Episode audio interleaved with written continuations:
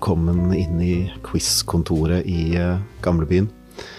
Jeg har fått på noe jazz, helt opp en uh, kopp kaffe av uh, typen Coop Gul fra Tigerkanna, og er klar for å koseprate litt med dere quiz-nerder der ute.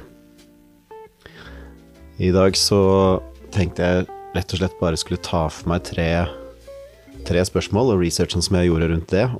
Og det er tre spørsmål som jeg hadde på en quiz på Kuro i Ratkes gate i mai 2023. Eh, som jeg, jeg, følte det var en litt ekstra god dag. Det er selvfølgelig mange grunner til det. Men eh, det er jo ikke noe vits å hente inspirasjon fra dager hvor jeg føler at quizen har vært dårlig. det første jeg tenkte å snakke om, er eh, bandet Spin Doctors. For jeg spilte hiten To Princess. Og jeg har jo ikke lov til å spille musikk, eh, copyrighta musikk her på denne poden. Eh, det kan hende at jeg hadde sluppet unna med noe fair use eller noe sånt, men jeg tar ikke sjansen helt før jeg har, eh, er mer sikker. Eh, så hvis du vil, så kan du jo pause nå og høre, høre på den, hvis ikke du allerede har den i hodet. Det er jo en ganske quizete låt, som jeg eh, egentlig hadde med delvis for å treffe generasjon X og, og millennials. Um, og delvis fordi ja, sånne type One Hit Wonders-type låter syns jeg man skal få litt betaling for å huske bandet og årstallet på. Det er jo ofte sånn med quiz at uh, det fort kan bli litt for lett å kjenne igjen The Beatles eller Elton John, så sånne store hits med mindre kjente band uh, er jo lurt å pugge, for det frekventerer ikke bare på mine quizer, men generelt. Uh, ja, låta den kom ut i 1992. Det var en stor hit da. Eh, var vel kanskje 93 den hadde sin seiersgang gjennom Skandinavia. Og vi millennials vi hadde den jo på kassett, spilt inn fra radio, eller kanskje på en eller annen samleplate. Jeg klarte ikke å finne den på noe samleplate, noe Absolute Music eller Mac Music eller sånn, men Eller Mac Music kan, fantes kanskje ikke i 1992, men uh, Absolute Music gjorde i hvert fall det. Men uh, den fins på en samleplate som heter More Than Music 2. Eh, fra 1993, og der er den første spor. Eh, det var en landeplage, kanskje først og fremst i Skandinavia. Eh, den var nummer én i Sverige og på Island, og kom på andreplass på VG-lista i Norge i 1993. Og de hadde også konsert på Rockefeller 19.2.1993, så det kan jo tyde på at de hadde noe fremgang på radio osv. i Norge også i løpet av 1992. Men det var ikke bare i Skandinavia at den hadde eh, gode resultater på topplistene. Den eh, skårte også bra i Australia, Canada, Nederland, Storbritannia osv. Eh, det som ofte liksom blir fasiten på hvor bra en låt har gjort det som hit, er jo Billboard Hot 100, Hot 100 og der landa den på plass nummer syv. Den kvalifiserer definitivt som One Hit Wonder hvis man tar utgangspunkt i Spotify avspillinger. Uh, Two Princess er den eneste låta med over 100 millioner uh, avspillinger. Men de hadde også en annen låt, uh, Little Miss Can't Be Wrong, som havna på 17.-plass på Billboard. Og selv om den ikke har så voldsomt mange avspillinger på Spotify i dag, så må man jo definitivt kalle det også en hit. Det er jo litt sånn typisk sang man får på hjernen. Alle komponentene er superrepetitive. Eh, trommelinja, gitarriffet, vokalen, alt går igjen og igjen og er lett å huske og lett å følge med på. Eh, bridgen kommer eh, ganske nøyaktig to tredjedeler inn i låta, så det er en litt sånn få på hjernen, lett å synge med til, eh, og egentlig også ganske lett å bli lei av eh, denne låta. Jeg hadde glemt litt hvor lei jeg egentlig var av den eh, låta da den gikk, for da jeg hører den sånn tilfeldig nå til dags, så gir den gode minner om en herlig tid. Eh, på 90-tallet, men eh, sånn egentlig så var det vel en låt som var litt eh, sett ned på som One Hit Wonder. I hvert fall av meg. Kanskje jeg var snobbete. I tillegg så har den en veldig tidstypisk musikkvideo med sånn kul, sjøsykt håndholdt kamera, sort-hvitt vaselinfilter osv. For øvrig regissert av Rich Murray. Og så må vi ikke glemme den hippe peruvianske lua som Chris Barron har på seg, som heter chulo. Eh, det var jo noe av det råeste man kunne bruke eh, som skal man si, alternativ, eh, småbereist, akademisk alternativ hipp fyr i 1992.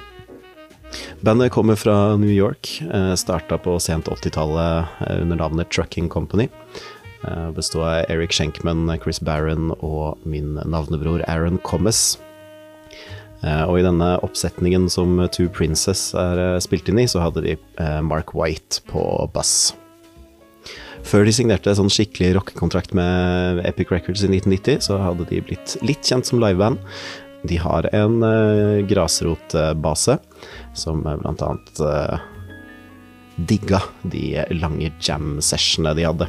Første skiva, 'Pocketful of eh, Kryptonite', eh, den fylte ikke akkurat lommebøkene til bandet, ble ikke noe mega salgssuksess, men de jobba på og turnerte eh, for de fansene de hadde, og har til den dag i dag nerdefans som mener, ikke overraskende, at Two Princes og Little Miss Can't Be Wrong ikke representerer dybden av hva Spin Doctors egentlig er. Og etter den researchen jeg gjorde, så kan jeg si meg litt enig. Eh, De kan mer enn repetative få på hjernen-sanger, definitivt, men eh, de lener seg sånn egentlig ganske hardt mot en sånn blues country-vibe som ikke helt klør den samme kløen som eh, Two Princess, etter min mening. Det var ikke overraskende MTV som plukka opp de to låtene, som gjorde at de ble til hits. Den tidligere nevnte musikkvideoen er jo også veldig MTV-vennlig. Bandet holder fortsatt på under samme navn, eh, og de spilte annet med Smashmouth i California i oktober 2023. Og etter hva jeg kunne se, så var ikke det noe sånn eh, Wheel of the 90s-opplegg. Det var eh, mer en likeverdig kom og se Smashmouth og eh, Spin Doctors i samme kjør. Det eneste tidligere medlemmet som er eh, noenlunde kjent for noe annet enn Spin Doctors, det er eh, John Popper, som var med da bandet het eh, Trucking Company. Som har sin egen karriere under navnet Blues Traveler. Eh, og han har to låter med over 100 millioner avspillinger på Spotify, så det må man jo definitivt kalle en suksess. Litt småfakta om eh, temaet. Chris Barron, vokalisten, han heter egentlig Christopher Gross, men han syns vel Chris Barron var eh, kulere. Han er født i Honolulu og vokste opp i New York. Og mens han gikk på college, så var han med i et band med det litt eh, artige navnet Dead Alcoholics With Boners.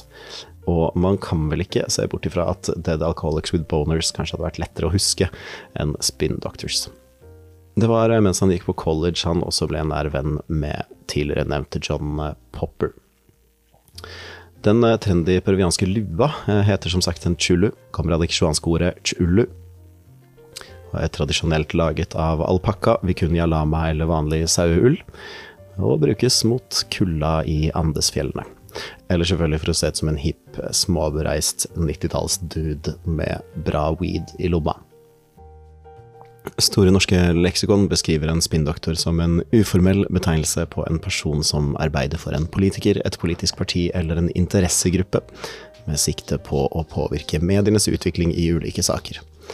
Navnet til selve bandet var eh, inspirert av, eller kanskje bare plukka rett fra, noen eh, overskrifter om eh, Bush senior. Hvis du ikke kjenner til låta, eller ikke husker den og ennå ikke har vært innom Spotify og søkt den opp, så anbefaler jeg å ta en kjapp lytt for å få konteksten.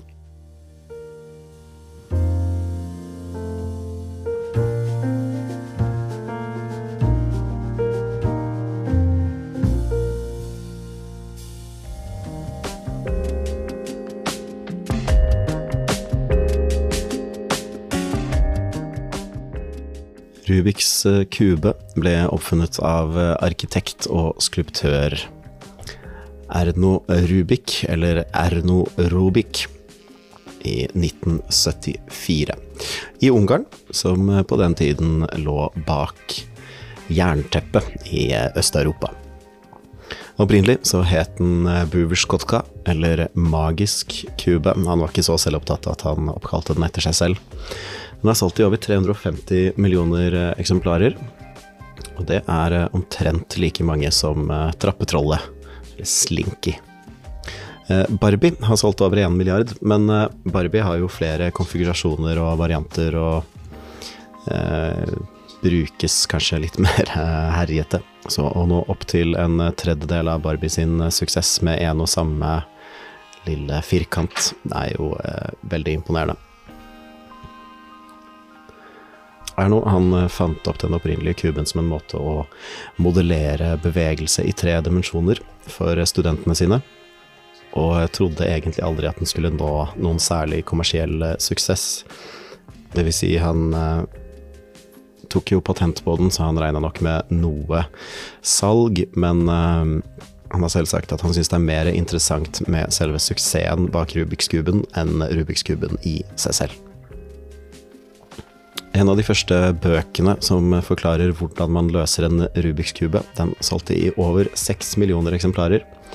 Og til sammenligning, prins Harry sin bok eh, Spare fra 2023, som slo eh, flere rekorder både som generell bestselger og innen ikke-fiksjon, solgte under 3,5 eh, millioner eksemplarer i løpet av året.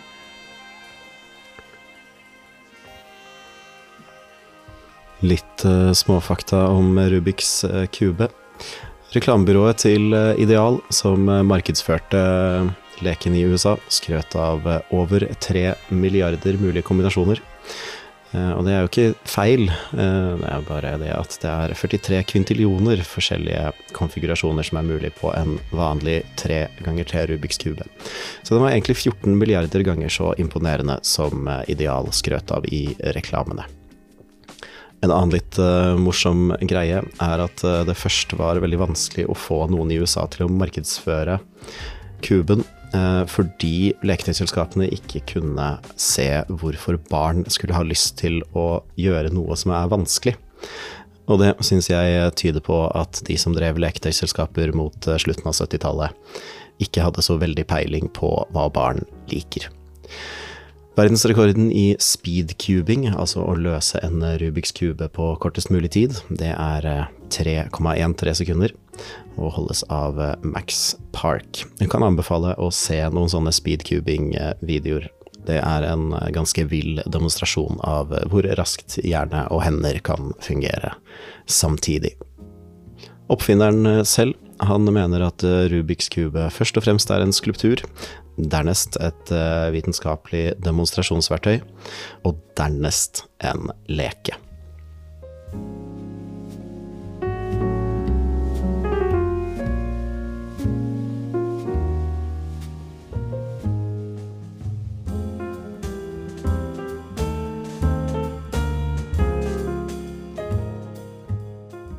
Eder dun, det kommer ifra ærfuglen som bygger rede med eget eh, dun som den plukker fra buken og brystet.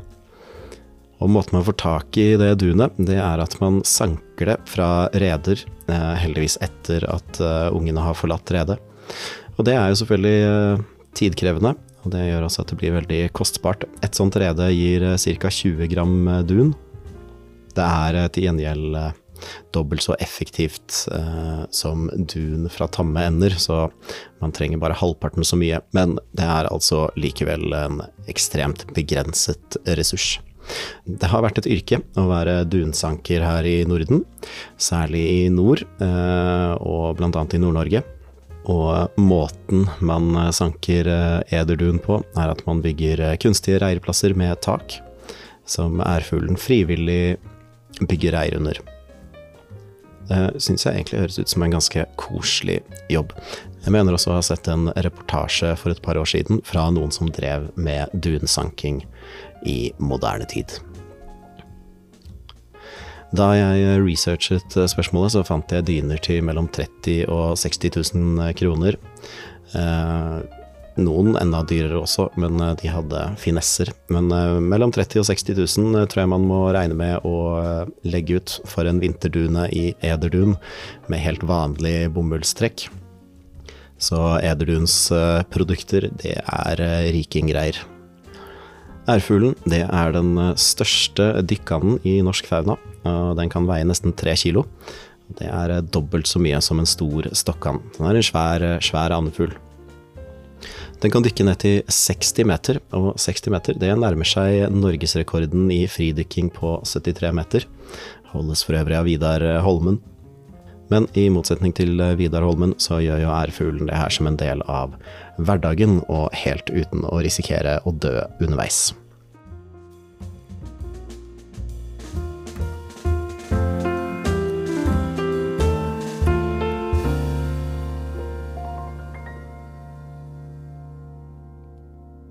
Dette her var første forsøk på en episode fra Quiz-kontoret. Litt usikker på formatet fortsatt, men jeg prøver meg fram. Dagens episode brukte Store norske leksikon, Den store danske Encyclopedia Britannica, Nasjonalencyklopedien og de gode Wikipedia-artiklene med kildehenvisning der mulig. Og ellers så har jeg brukt forsøksvis pålitelige journalistiske kilder. Neste uke så blir det en vanlig quiz-episode. Jeg håper at dette formatet faller i smak hos noen, og at du trykker følg og bjelle og abonner og alt hva det heter på de forskjellige plattformene, sånn at vi snart kan høres igjen.